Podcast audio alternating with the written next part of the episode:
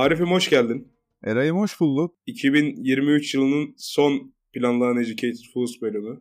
Evet gözler yaşlı. Gözler yaşlı bir yılı daha yolcu ediyoruz. Aynen öyle. Konumuza girelim mi hemen? Bize öyle tepkiler geldi çünkü. Bu boş muhabbetiniz FIFA oynadık, şöyle yaptık muhabbetinizden bıktık diyenler oldu. Yani ekstra bir şey de yapmadık zaten bu hafta. Sen maça gittin falan filan. Kötü bir derbiydi. Direkt geçebiliriz. Yani konumuz da açıkçası 2024 konuşacağız gibisinden bir olta atmıştık. Çok güzel geri dönüşler almadı. Çünkü daha girmedik yani içine. Ee, ama şey e, ortaya karışık biraz gündem konuşacağız bugün. Normalden farklı olarak. Yani tek bir konu belirleyip daldan dala atlamaktansa bu sefer daha geniş bir skalada aslına bakarsan son bir hafta ne oldu? Bir haftada bir senelik olay oldu. Biraz yani bunların üzerinden gidelim dedik. Daha doğrusu şöyle de bir şey oldu. Bu meşhur gündemlerden bir tanesindeki bir olay bizi zaten rahatsız ediyordu. Bu gündem de iyice rahatsız etti. Biz de onunla başlayalım diğer gündemleri de konuşalım diye düşündük. Aynen öyle. Nedir hocam bizi bu ciddi manada rahatsız eden gündem? Linç kültürü. Hoca bu anonim hesaplar mı? Anonim hesap mı oluyor? Anonim hesap oluyor değil mi? Anonim hesap. Anonim. Anonim hesaplar. Daha doğrusu bu öfkeli gençlik, bu işsizlik. Ya milletin ailesini yıkmaya doğru gidiyor artık. Bu boşlukta millet kafayı yedi ya. Nereye gidiyor hocam bu memleket? Hocam bu memleket iyi yerlere gitmiyor da bence. Bunun da anlamamız lazım. Hani çok fazla yanlış da analiz de okuyorum bu konu hakkında. İşte bunlar neden böyle oluyorlar? Analizini de çok okuyorum. Genel bu konuya bir istersen anlat ya da ben anlatayım. Millet de ne konuştuğumuzu bilsin. Herkes takip etmek zorunda değil detaylı. Ya, evet geçtiğimiz günlerde bir influencer hanımefendinin paylaşımları üzerinden ilişkisi değerlendirildi. Hanımefendiye çok çirkin ithamlarda bulunuldu. Kendisinin de daha sonraki çıkışları kendini savunma tarzı ve üslubu ve ifadeleri de aslına bakarsan bence yanlış ve hatalı yargılar içeriyordu. Ee, ama tabii ki kadının bam teline basıp iyice çıldırttıkları bir durum da söz konusu. Ee, işte kadının HPV aşısı, faz tatili vesaire kocasıyla olan ilişkisi üzerinden bir şeytanlaştırma operasyonu ve taşlama operasyonu oldu. Kısaca. Ya özetle şu kadın kocasıyla evliyken kocası izin alamamış. Kadın da sen izin alamadın ben sıkıldım ben tatile gidiyorum demiş. Fas tatiline gitmiş. Sonra da HPV aşısı olmuş. Bunu da bir takım böyle aklı evveller şey yapmış. E, bulmuşlar. Nasıl bulmuşlar Burada artık? şöyle bir şey var e, hikayenin e, akışı açısından. Fas tatiline bir buçuk sene önce gidiyor.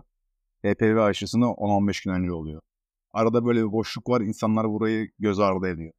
Ya şimdi ben zaten şöyle bir şey söyleyeyim. Çok basit bir bilgi olarak bu arkadaşların bence zeka seviyeleri düşük o yüzden akıl edemiyorlar da aşı Ve bulaşıdan koruyor.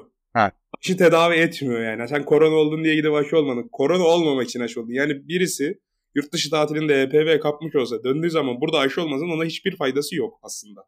Aynen öyle. Ki bizim dinleyici kitlemizde AB olduğu için, okumuş insanlar olduğu için zaten bu gerçekliklerin de farkındalar. Ve Aynen bu- öyle. Yani çok çirkince bir e, linç kampanyası başlatıldı. Yani bundan daha önce de linç kampanyaları başlatıldı çok saçma sapan bir şekilde. Bunun sebepleri sadece bu gençlerin ekonomik geleceğinin olmaması, sevgililerinin olmaması, hayatta bir amaçlarının olmaması mı? Şu an çünkü gösterilen şey o. Hani bu gençlerin hayali yok, hayatta yapacakları bir şey yok. Durup bu insanlara hani iyi hayat yaşayan insanları hedef alıyorlar gibisinden bir argüman var. Buna katılıyor musun? Kanka buna hiç katılmıyorum. Buna neden katılmadığımı da çok basit bir şekilde anlatayım. Aynı tweet'i ben de gördüm. Bir arkadaş uzun uzun işte bizim manitalarımız vardı, şu vardı, bu vardı. İngilizce eğitim veren Anadolu liselerinde okuduk. Bu işte 90'larda biraz e, kent soylu, bir tık daha maddi gelir seviyesi yüksek insanların sürekli yaptığı bir mastürbasyon zaten. Vay be Atatürk Anadolu Lisesi 1995 yılında ne iyiydi. Geyi. Ama yani 1990 yılıyla Türkiye'nin şu anki ekonomik durumunu kıyaslayıp Türkiye daha iyiydi demek ve gençler birçok şeye daha rahat ulaşabiliyordu demek gerçekten bence dangalaklık. Belki senin ailen ya da belki orta sınıf ezildi. Belki senin ailenin ekonomik durumu daha kötüye gitti. Çevren daha kötüye gitti. Bunlar olabilir. Ama Türkiye genel olarak sosyokültürel bir aşama kaydetti.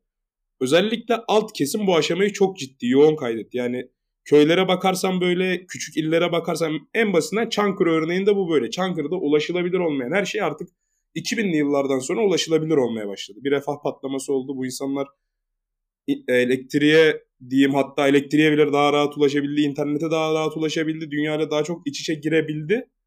Bu 90'lı yıllarda çok mümkün bir şey değil Anadolu'nun çoğu ili, ilçesi, köyü için. O yüzden bu yaklaşım baştan aşağı hatalı bence. Sen ne düşünüyorsun? Ben şöyle düşünüyorum. 90'larda ya da 2000'lerde büyümüş birisinin ulaşabileceği şeyler daha sınırlıydı. Ve o alt kesim, orta kesim ulaşabileceği şeyler sadece ekonomik imkanlarla ölçülebiliyordu. Ama şu an orta sınıfın ve orta alt diye nitelendirdiğimiz ya da o işte düşük gelir gruplu ailelerin çocukları diyeyim genç insanlar. Onlar internet çok ulaşılabilir bir şey olduğu için çok rahat ulaşabiliyorlar ve çok rahat kendilerini ifade edebiliyorlar. Bence burada bir de şu fark var. O zamanlar bu insanların kendini ifade edebileceği bir alan yoktu. 2000'lerin ortasında blog kültürü Türkiye'de çok fazlaydı. Ve sadece evinde bilgisayar ve internet olan insanlar blog yazabiliyordu. Ve bu insanlar genellikle biraz da orta üst sınıfa ait. E, bu ailelerden gelen insanlar. Ama şu an Twitter var, Instagram var, TikTok var. Bu sayede düşük gelirli ailelerin çocukları da fikirlerini beyan edebiliyor. Bence burada böyle bir temel farklılık var. Aslında değişen bir şey yok. Sadece imkanların değişimi ve kolaylaşmasıyla alakalı bir değişim olduğunu öngörüyorum. Şimdi bize muhtemelen gelip şöyle bir muhalefetlik yapılabilir. Hani ya işte dünya zaten çok gelişti biz bu gelişime ayak uydurduk. Mesela arkadaşlar ben zaten hani böyle siyasi bir şey anlatmadım. Ben de biliyorum. Dünya bir refah düzeyine özellikle 2000'lerden sonra bu, hatta belki Doğu bloğunun yıkılışından itibaren dünya böyle bir refah patlamasına gidiyor. Parasal piyasalar geniş vesaire vesaire. Ve Türkiye'de bu treni bir şekilde yakalıyor. Ben bunu anlatmaya çalışıyorum. Ve bu sayede işte 20 sene öncesine baktığın zaman inanılmaz bir aslında refah artışı gözleniyor herhangi bir şeyde. Burada az önce de elektrik derken dilim suçtu. Onu muhtemelen atarız. Atamazsak da şunu söyleyeyim o kısımla alakalı dilim suçtu. Yani elektriğe ulaşım yoktu gibi bir şey demek istemedim. İnternet demek istedim galiba. İnternet aynen internet elektronik aletler internet demek istedim. Dilim dönmedi. Ben şöyle bir şey düşünüyorum bu konuda bak. Eskiden sosyal medya yokken Türkiye'de her köyün bir delisi vardı ve bu deliler çok ekstrem işler yapıyorlardı. Ama bu o köyün delisiydi ve o köyün delisi olduğunu biz biliyorduk. Biz o köyde yaşıyorsak biz biliyorduk. Ama biz o köyde yaşamıyorsak bizim o köyün delisinden haberimiz yoktu. İnternet bize dünyadaki bütün bilgileri avucumuza getirdiği gibi bütün köyün delilerini de görebilme fırsatı sundu. O yüzden toplum çok büyük bir yozlaşma yaşadı. Ve nereye gidiyoruzu ben çok uzun süreler çok kabul etmedim. Evet. Artık ama kabul bu, ediyorsun ama galiba. Artık şunu kabul ediyorum. Eskiden buna artık mahalle baskısı de, buna mahalle kültürü de, abi olması de, toplum bilinci de, de de de bir şey de. Bir insan 19, 20, 21 yaşında bir fikrini beyan ederken ya ben bunu saçmalığı dersem millet bana ne deri düşünüyordu. Çünkü Aynen. o mahalledeki mahalledesindeki birine söyleyebiliyordu. Yani sen mahallendeki bir sana göre çok büyük bir ahlaksızlık yapmış olsa da sen bunu mahallende çıkıp çatır çatır söyleyemezdin. Söylesen de birisi sen kimsin milletin karısı kızı hakkında konuşuyorsun deyip ağzına vururdu. Bugünse birisi gördüğü bir ahlaksızlık üzerine saçma sapan bir yorum yapabiliyor. Ona göre ahlaksızlık. Başkasına göre değil. Benim meselem o değil. Ve bazı insanlar da bunu şakşaklıyor. Çünkü neden? Sana hiçbir şey olamaz bu sosyal medya üzerinde. Hele bir de yurt dışında yaşıyorsan bir de ha, VPN kurduysan telefonuna seni bulmaların imkanı yok. Bunun inanılmaz bir rahatlığı var. Ve bu da böyle aptal bir şakşakçılığa döndürdü işi. Ya evet burada biraz işin sebeplerine falan girdik uzunca. Ee, ama bir de bir asıl bir şöyle bir nokta var. Bir de iki uç oluştu. Hani diğer taraf linç edenleri siz kadınların işte bu şey hale gelmesinden korkuyorsunuz gibisinden karşı tarafı sürekli suçlayıcı tamlarla şey yapıyor. Ki çok acı çekiyor, çok bastırıldı. O tarz tepki vermesini anlayabiliyorum ama söylemlerinin daha sakin yapması lazımdı. Diğer tarafı zaten savunulacak bir tarafı yok. Kadın işte kadının kocasının aldattığıyla itham ediliyor. Ben kadına hiç kızmıyorum kanka. Bir insanın sistematik olarak hayatını kaydırmaya çalışıyorlar. Ve bu gerçekten öyle bir muhtemelen baskıyla yaşıyor ki kadın. Ölüm tehditleri de alıyordur. Küfürlerde kocasına da bir sürü şey yazılıyordur. Ve bu insanlar sonuçta bu işten milyon dolarlar kazanan ünlüler değil. Atıyorum ben... Arda Turan, Demet Akalın değil bu kadın tamam mı? Kazandığı para da sınırlı. Ve bu baskıyı yönetme konusunda profesyonellerle de çalışmadığına eminim. Bir patlama noktası yaşıyordur. Bu çok doğal. Ya kesinlikle ama ben yine de söylemlerinin biraz daha derli toplu olmasının onu savunabilmek adına daha değerli olduğunu düşünüyorum. Ya oradan şuna geleceğim. İki uç oluştu ve ortadaki makul insanlara herhangi bir yaşam alanı yok artık Türkiye'de. Ya o radikal uçta olacaksın ya bu radikal uçta olacaksın. Ortada senin kendi makul Yani o spektrumda o ortada hiçbir şey kalmadı artık. Ya çok aşırı bir muhalif olacaksın ya da müesses nizamın parçası olacaksın gibi bir durum ortaya kondu. Ve ben şunu düşünüyorum bir senedir. Ben niye Almanya'ya geldim? Benim ekonomik durumumda bir sıkıntı var mıydı? Yoktu. Sosyal hayatım çok iyiydi. Aslına bakarsan beni bu ülkede nefes alamıyormuş gibi hissettiren şey tam olarak da buydu galiba. Ve bunun tekrardan köpürtülmesi ve bunu sosyal medyada tekrardan görüyor olmam. Biraz da bu, bu şey podcast'te başladıktan sonra ben biliyorsun eski hesaba biraz daha yeni yeni döndüm. İşte Twitter atmaya başladım, favlamaya başladım. Eskiden çok kullanmıyordum. Biraz bu yüzden bırakmıştım. Ee, beni yine boğuyor. Yani nefes alınacak bir alan bırakılmıyor. Yani buradaki insanların umurunda değil Twitter muhabbetleri. Bizdeki her şey Twitter. Her şey sosyal medya. Ve makul düşünceler daha fazla eleştiriliyor, boğuluyor. Ve makul düşünceler popülist olmadığı için çok şiddetli ve saçma bir şekilde eleştiriliyor. Ve bu yüzden makul insanlar artık fikirlerini beyan etmiyor. Ben bunu şöyle de düşünüyorum ya. Acaba gerçekten toplum olarak da mı böyleyiz yoksa sosyal medyadaki deliler bu işin görünürlük olarak çok fazlası olduğu için bize böyle mi geliyor? Yani so- sokakta bu kadar deli varmış gibi gelmiyor bana. Doğru. Yani sokakta makul insanlar var. Ama zaten senin arkadaş çevren genellikle senin en uç noktalarından bir sınır çizdiğimiz zaman o sınırların içerisindeki insanlar oluyor ya genelde. Hani zaten onlar senin için makul düşünceye sahip insanlar oluyor. Ama sosyal medyada bu sınırın çok ötesinde insanlarla görüşebiliyor, anlayabiliyorsun.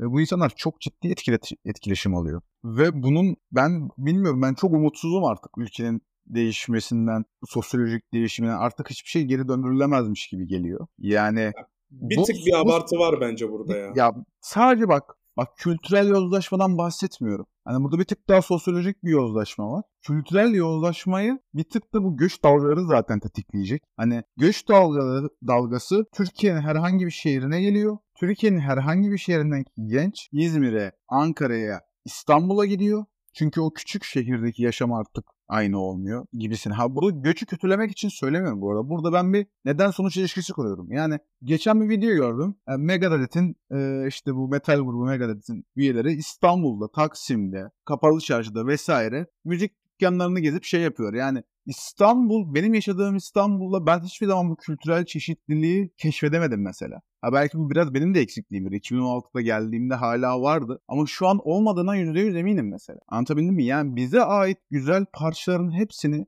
birer birer kaybediyoruz. Ve bunun farkında olmak ve elimden bir şey gelmemesi ve artık bu delilikten kendimi kurtarmak için geçici bir süreliğine de olsa kendimi ülkemin dışına atma bana çok acı veriyor. Bu göç konusunda beni zaten bilenler bilir. Ben bir konuşmaya başlayayım. Hani 3 gün falan bunun üzerine konuşurum. Aynen. Çok da radikal şeyler olur. O yüzden girmiyorum ama şu 2 artı 2 daha 4 Türkiye'ye gelen bu çok çok fazla sayıdaki göç Türkiye'deki sokakları inanılmaz şekilde değiştirdi. Herhangi bir çarşıyı özellikle inanılmaz değiştirdi. Buraya çok da girmek istemiyorum. O yüzden biraz şöyle geleyim. Ya evet toplumsal bu dönüşümler vesaireler falanlar filanlar var ama birazcık sosyal medyanın bu filtresizliği bunun asıl sebebi bence. Bunun dışında sokakta gene ne olursa olsun bir filtre var. Birine rahat rahat küfredemezsin, birine rahat rahat bir yafta yapıştırmam. Yani ne oluyoruz falan derler insanlara. O yüzden sosyal medyada gözüken bu inanılmaz büyük sosyal dönüşümün gerçekte bu kadar büyük olmadığını düşünüyorum ben. Yani şunu da bir toplumsal bir düstur olarak kabul etmemiz lazım. Nasrettin Hoca demişler ki hoca senin oğlanı şuraya giderken görmüşler. O da demiş ki bana ne? Ama senin oğlan demiş. O zaman sana ne demiş. Yani bu bana ne ve sana neyi kabullendiğimiz zaman bu iş benim umurumda değil. Herkes kendi dalgasına baksını kabullendiğimiz zaman olay çok daha düzgün bir boyutta bir yere gidebilir bence. Şimdi bu kadın bir sosyal medya ünlüsü. Bu kadında biraz kalmak istiyorum ben çünkü. Olay bence bir, direkt bununla alakalı. Birazcık bu kadının sorunu şu bence. Yani diğer bu tarz ünlülere göre çok daha güçsüz bir konumda olması bu kadının. Yani Türkiye'de bir toplumsal dönüşüm yaşanıyor. Bunun ben de farkındayım. Ve bazı Anadolu toplumunun, Türk toplumunun kabul ettiği ahlaksal normların dışındaki bazı şeylerin de bu, bu topluma bir kabul ettirilme çabası var. Bunu bazıları işte bir komplo teorisyenliği gibi okuyabilir, başka bir şekilde okuyabilir. Ben daha biraz daha rahat bir okumadayım. Evet bu, bu tarz bir dönüşüm yapılmaya çalışılıyor bence ki bu çok normaldir. Herkes fikrini savunurken kendi fikrinin normal haline girip kabul görmesini ister. Ama bu işi gerçekten çok sistematik, çok güçlü, çok fazla kaynakla yapan insanlara ses çıkarılabilecek bir konum varken bu güçsüz ve korumasız bir kadın mı yani burada hedef olup vurun abalaya yapılması gereken kişi? Mevzu burada. Yani bu kadın sosyolojik bir dönüşüm yapmak istiyor mu Türkiye'de? Belki istiyor tamam mı? Belli bir ilişki normunu kabul ettirmek istiyor. Abi bu ülkede neler neler çekildi tamam mı? Neler neler izlendi. Ne, ne tweetler atıldı. O arkasında bir şey olan, birileri olan insanlara karşı bu ses çıkmıyor ama bu kadın korumasız, zavallı gözüküyor. Bu kadın her ses çıkıyor. Bence biraz işin özeti de bu. Yani evet katılıyorum bu noktada sana. Yani benim sosyal medya influencerlara karşı şöyle bir eleştirim var. Hani ilişkini paylaşıyorsan bir tık da burada gelebilecek şeylerin yani sosyal medyanın dedin ya filtresizliği bir de sosyal medyanın sınırsızlığı da var. Hani senin hiç hayal edemeyeceğin yerlere çekilebilir senin paylaşımların. Kaldı ki WhatsApp konuşmanı da paylaşmışsın. Eşinle günlük hayatını da paylaşmışsın. Eşin istifa etmiş hayatından bu değişimi anlatmışsın. İşte işinden istifa etmiş bu değişimi anlatmışsın. Bilmiyorum yani herkes influencer olmak ister kolay para için ve bu paranın miktarı için. Ama bir de şey var yani bunu paylaşıyorsan bunun sonuçlarına katlanmalısın demek istemiyorum. Çünkü bu toplumun yapısından dolayı bu sonuçlara katlanıyorsun. Ama biraz da işin de böyle bir şey de var yani artı eksisi durumu da var. Yani sen ilişkini paylaşıyorsan ilişkine dair eleştiriler gelmesini göz önünde bulundurmalısın gibime geliyor. Bilmiyorum yani. Ben biraz bu noktada senden farklı düşünüyorum. Yani kadına yapılan linçe tabii ki karşıyım. Ama ilişkini de paylaşıyorsan şayet bu eleştirilere de hazırlıklı olmalıydın gibisine. Hani iş işten geçtikten sonra bunu söylemek kolay ama bu her ilişkisini sosyal medyada paylaşan influencer için geçerli bence. Bilmiyorum. Bak sana şu kadar yani şöyle bir örnekten yola çıkayım anlatayım. Sosyal medya hesaplarında tabii ki sosyal medya kullanan herkes dünyadaki herkes ilgi görmek ister. Sosyal medya kullanan herkes de daha çok takipçim olsun istiyor. Bazı insanlar da çabalıyor bazı insanların çabalamadan takipçisi birikiyor vesaire. Benim mesela hesabım bir dönem gerçekten büyüdü.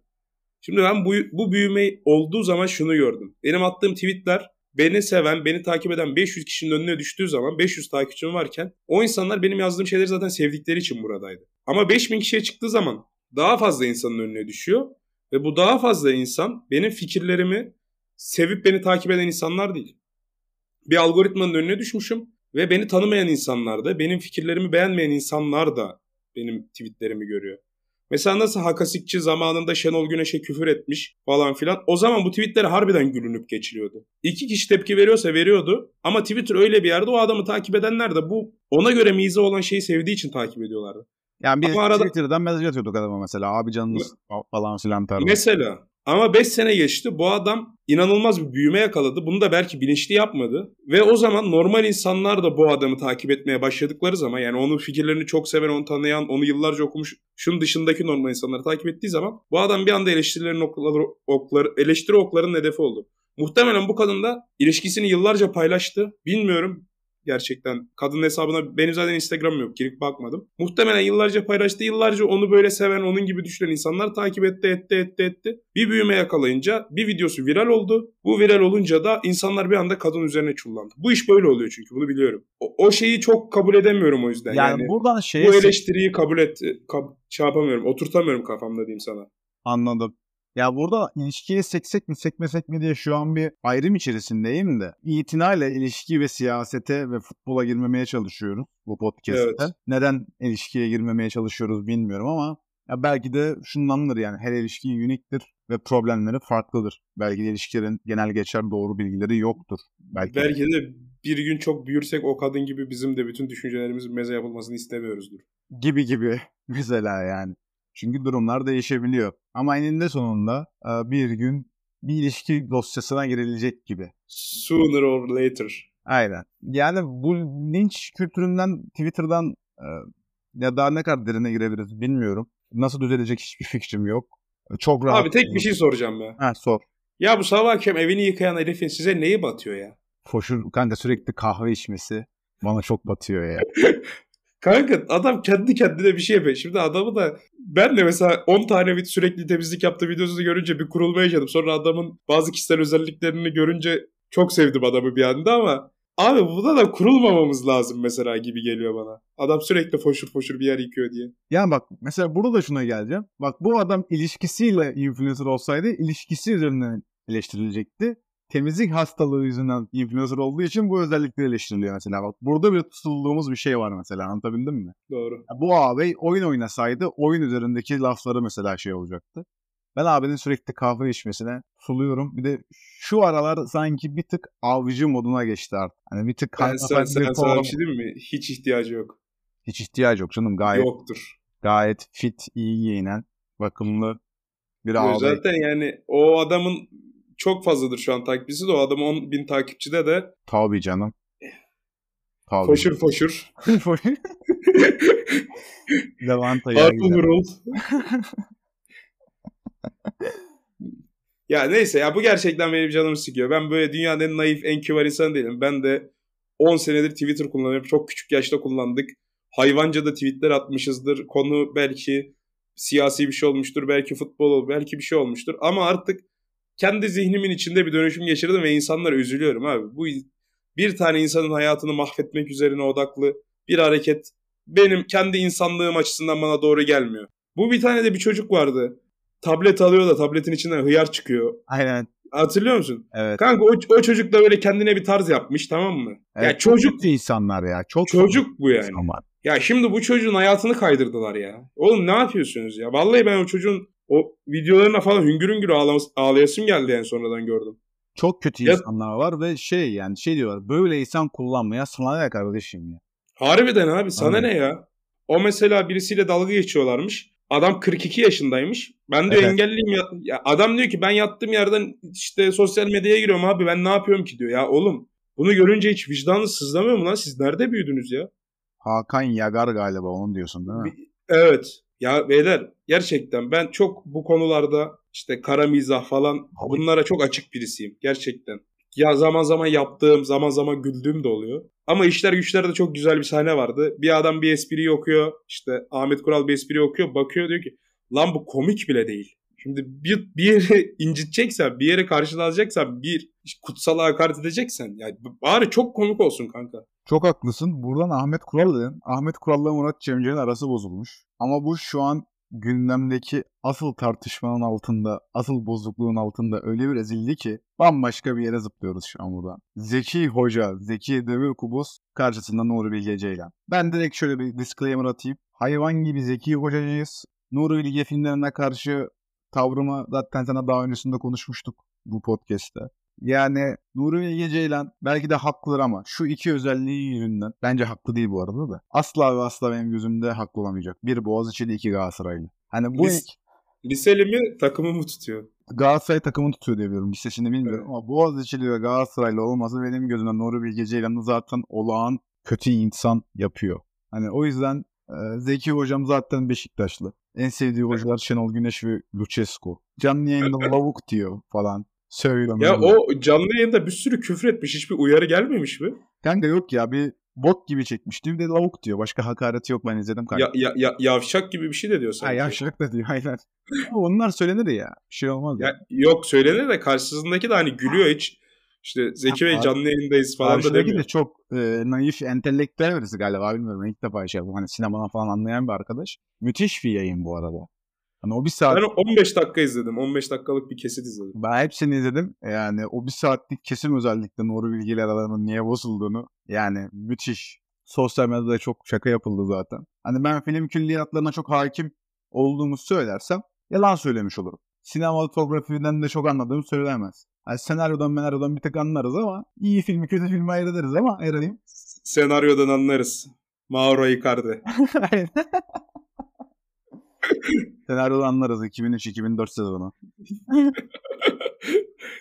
ya ben şey, yönetmen olarak şeyciyim. Filmlerini daha çok seviyorum da Nuri Bilge'nin. Bana daha hoş geliyor. Benim sanat anlayışımla daha uyuşumlu. Doğru. Ama bu tartışmada daha delikanlı gözüken diyeyim Zeki Demirkubuz bence. Abi lan sen kanın muhtarı mısın çıkışı? Gece 2'de izlerken bana kahkaha attırdı ya. Ben şeye çok güldüm. Bu bayıldı. Pat bayıldı gitti. diye. Oraya çok güldüm. Ya bir de Zeki Demirkubuz çok harbi ya. Hani diyor ya ya bunun diyor kesin bir çıkarı vardır. Susuyorsa da çıkarı vardır. Konuşuyorsa da çıkarı vardır falan. Hani ön alması da iyi. Nuri Bilge'de de nasıl bir nefret varsa kardeşim adam 3 senaryodan sonra tweet atmış. Zeki de hani ya sen Türkiye'nin dünya ünlü en büyük yönetmenisin. Ha, bu, bu fake. Nuri Bilge dünya ünlü bir adam. Zeki Demirkubuz senin kadar ünlü değil. Senin kadar iyi bir film külliyatı belki yok. Ama bu nasıl bir nefret baba ya? Bu nasıl bir nefret yani? 3 sene aradan sonra tweet attırıyor sana. Ya bu Zeki Demirkubuz'un o kaydında özellikle şöyle bir şey var. Televizyon çok presentable bir şey. Hani hep böyle düzgün Türkçe, belli kelimeler yok vesaire. Artık böyle değil de yani. Evet. En azından Habertürk, CNN falan o minvalde yayın yapmaya çalışıyorlar hala. Sunucuları evet. falan daha böyle oturaklı. Ee, Zeki Demirkubuz o böyle şaklabanlığı kırıyor gibi. Hani o o partiye çağrılmış ama hani o partiyle hiçbir alakası yok. Bunu kim çağırdı ya falan diyecekmiş gibi duruyor. Buna çok benzeyen bir karakteri var mesela o, o konuda. Bir de bu şey var ya bilgi adam reis. Aynen. Biliyor musun? Bak Aynen. sen deyince sen deyince aklıma geldi. Bilgi adam reise birisi ekşi sözlükte şey yazmış savaş çeveci konusunda işte milyonersin araban var işte New York'ta yaşıyorsun kaç tane salonun var falan. Ona rağmen diyor in gibi bir yerde yaşayıp diyor Deccal kaç bench press yapar diye böyle hesap yapmaya çalışan bir adamın söyledikleri sana böyle delirtiyor ve işte dava açma video çekme gereği duyuyorsun. Bu Zeki Demirkubuz'un öyle bir tweet olayı da ona benzedi. Aynen. Sen, Aynen Zeki, öyle. Zeki Hoca'nın da filmleri falan Zeki Hoca sanki beni de sektördenmişim ya da oynatacakmış gibi. Zeki Hoca'dır ama. Ya, ya bir, bir de Beşiktaşlılığı beni inanılmaz şey yapıyor. Ya konuşuyor konuşuyor sanat konuşuyor falan filan. Diyor ki Rıza ile Burak Yılmaz işi diyor çok yanlıştı falan filan. Hani şöyle bir tweet gördüm. En sağlıklı, en kafası düzgün Beşiktaşlı'nın bile beyninin içi. Harbi bu, bu yani. O kadar fazla şeyim var ki. Hani bunun bir tane videosu var. Kardeşiyle konuşuyor. Abi Feyyaz şimdi ne yapıyordu? Feyyaz'ın Fenerbahçe'ye gittiği zamanki şeylerinden. Benim de kafa mesela Mario Gomez Beşiktaş'tan gidince o şekil çalışıyordu. Zaten 18-19 yaşındayım. Niye gitti bu şimdi Almanya'ya? Wolfsburg maçlarına bakıyorum. Gol atmış mı? Hani o şekil. Bunu siktirme şimdi Dostoyevski'ni diye bir... Of. Yanlış Maç hatırlıyor olabilirim. Buna benzer bir şey. Böyle direkt böyle Buna bir çok... hikaye. Maç izlerken yani. kahvede hocam Dostoyevski falan filan siktirtme Dostoyevski'ne maç izliyoruz kardeşim. Bir çıkışı var. Güzel güzel adam bizden biri.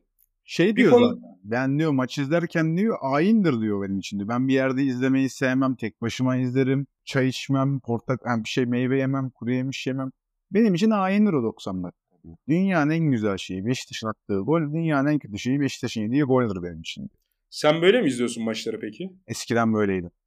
Yalnız tek başına mı? E hala tek başıma izliyorum.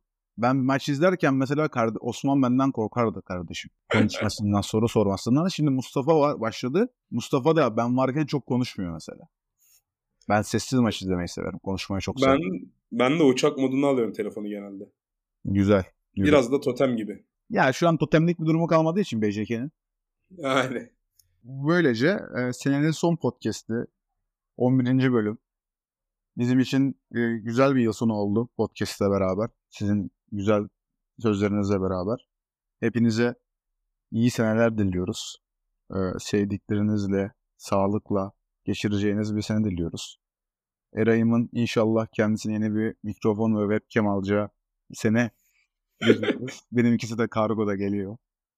Ee, sizleri seviyoruz. Eray'ım ağzına sağlık. Yine bir sürü ders verdin bugün millete. Estağfurullah. Ağzına Estağfurullah. sağlık. Teşekkür ederim. Seneye görüşürüz. Seneye görüşürüz diyoruz dostlar. Kendinize iyi bakın. Sizleri seviyoruz. Hey,